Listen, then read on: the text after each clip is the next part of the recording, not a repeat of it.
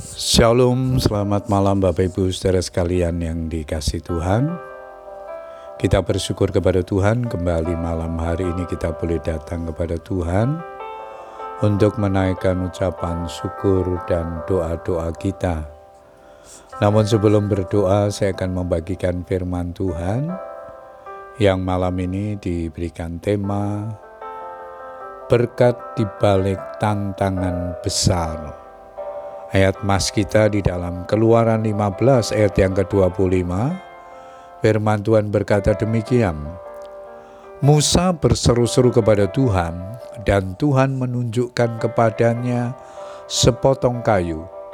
Musa melemparkan kayu itu ke dalam air, lalu air itu menjadi manis.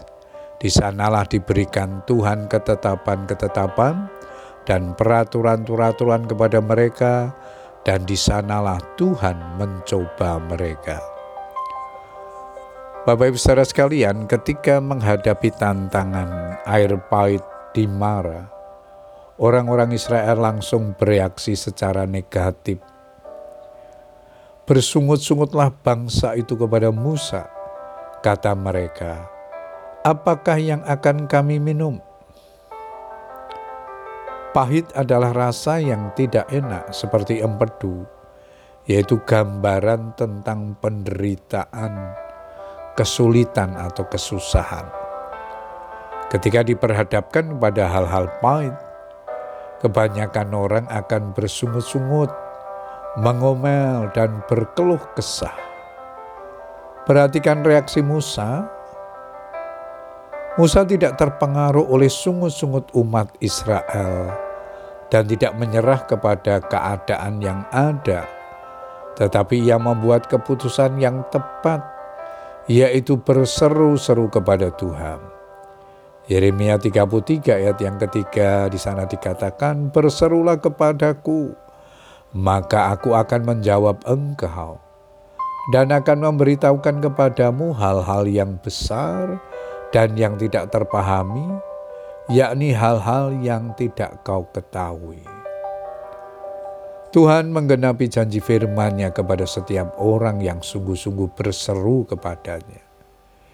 Ia memberikan jalan keluar yaitu menunjukkan sepotong kayu.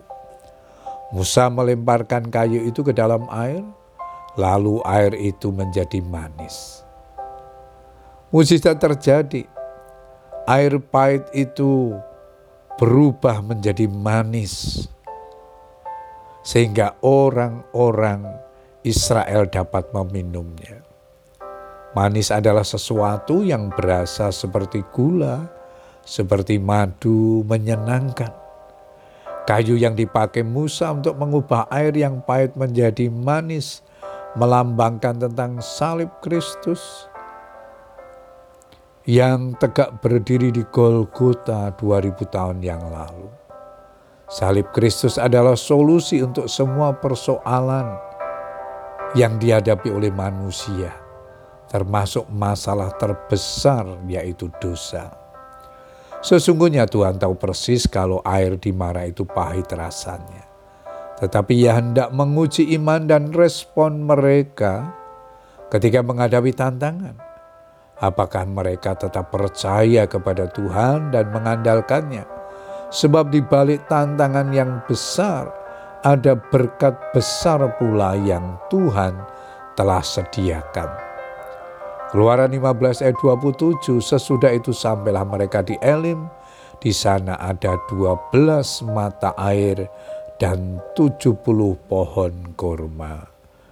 Puji Tuhan Bapak Ibu Saudara sekalian, biarlah kebenaran firman Tuhan yang kita baca dan renungkan pada malam hari ini menolong kita untuk memahami di balik setiap tantangan yang Tuhan izinkan terjadi dalam hidup kita, ada berkat Tuhan yang disediakan bagi kita yang bertahan dan tetap berharap kepadanya.